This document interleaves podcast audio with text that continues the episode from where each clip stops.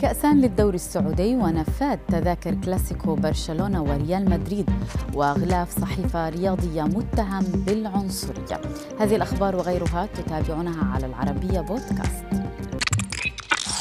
اليوم يسدل الستار على منافسات الدوري السعودي لكرة القدم بنسخته الحالية المليئة بالإثارة حتى الرمق الأخير.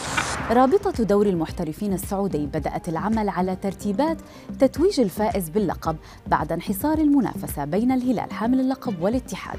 وعملت الرابطة على تأمين نسختين متطابقتين لكل فقرات الحفل، كما قسمت طواقمها بين الملعبين، رئيس هنا ونائب هناك والعكس، إضافة إلى ذلك أقامت الرابطة أو قامت بعمل كأسي للبطولة وميداليات ذهبية وفضية في المكانين. نسخة الكأس الأولى ستكون في استاد الملك فهد بالرياض حيث تقام مباراة الهلال المتصدر والفيصلي أما النسخة الثانية فستتم في ملعب مدينة الملك عبد الله الرياضية في جدة حيث يلعب الاتحاد صاحب المركز الثاني ضد الباطن. الكأس الحلم تجولت قبل أن يعانقها أصحابها الليلة بين معالم السعودية التاريخية من بينها الدرعية. 65 ألف مشجع اشتروا تذاكرهم بالفعل لمتابعة كلاسيكو الكرة الإسبانية بين ريال مدريد وبرشلونة.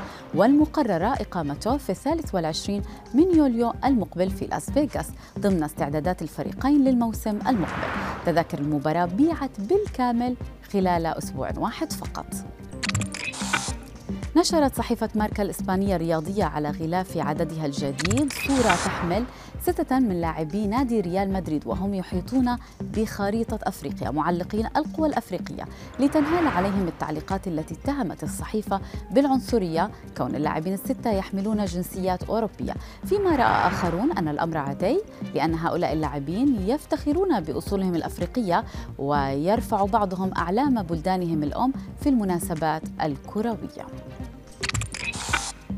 في حادث مأساوي لقي ما لا يقل عن أربعة أشخاص حتفهم كما أصيب 300 آخرون بعد انهيار مدرج حلبة مصارعة ثيران في كولومبيا مكون من ثلاث طوابق من المدرجات الخشبية. مستشفيات المنطقة صرحت بأنها تعالج حاليا المئات من الجرحى أربعة منهم في العناية المركزة.